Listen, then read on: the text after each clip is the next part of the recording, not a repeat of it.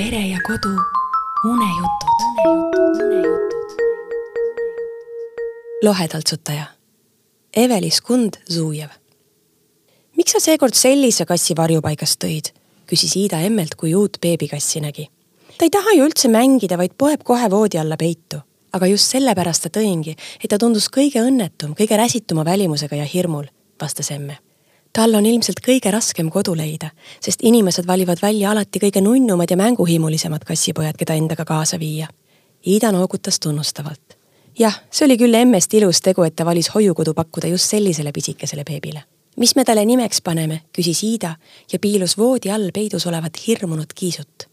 beebikass susises, mitte kurjusest, ta ei olnud üldsegi kuri kass, vaid ta kartis, et keegi teeb talle jälle haiget ja hoiatuseks ta susises, kaitses end mina paneksin talle nimeks Lohe, naeris emme. ta on ju nagu väikene lohe. Iida arvas, et see pole kassibeebile üks õige nimi ja pakkus välja Pipi.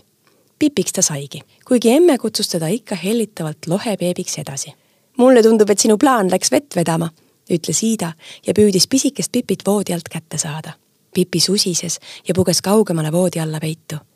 emme ei saanud aru, mida Iida silmas pidas vaata, sa ju tead, et ma kardan oma toas magada ja ütlesid, et võtad mulle kiisu selleks seltsi, et mul oleks julgem magada, selgitas Iida. aga Pipit ei saa ma kaisu võtta, emme naeris. ta sai aru küll, et Iida oli kaval ja tahtis jätkuvalt emme issi kaisus magada, kuid emme oli ka kaval. emmed kipuvad mõnikord kavalamad olema. selles on sul õigus, vastas ta.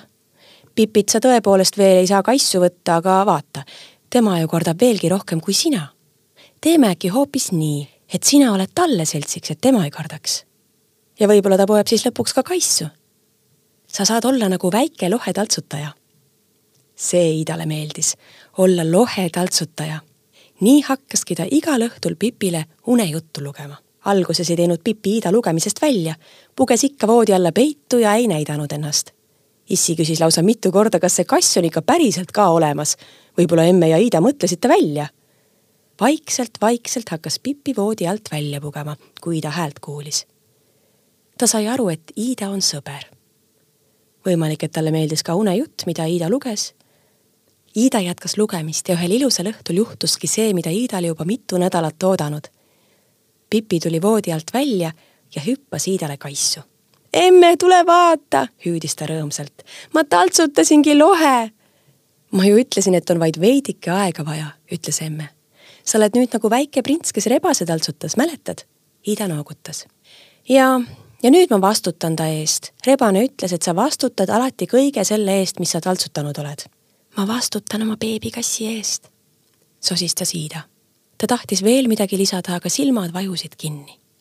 kõige tähtsam on silmale nähtamatu, sosistas emme vastu, soovis mõlemale tasakesi head ööd, tõmbas neile teki peale ja kustutas tule nii lohebeebi kui uhke lohetaltsutaja olid magama jäänud.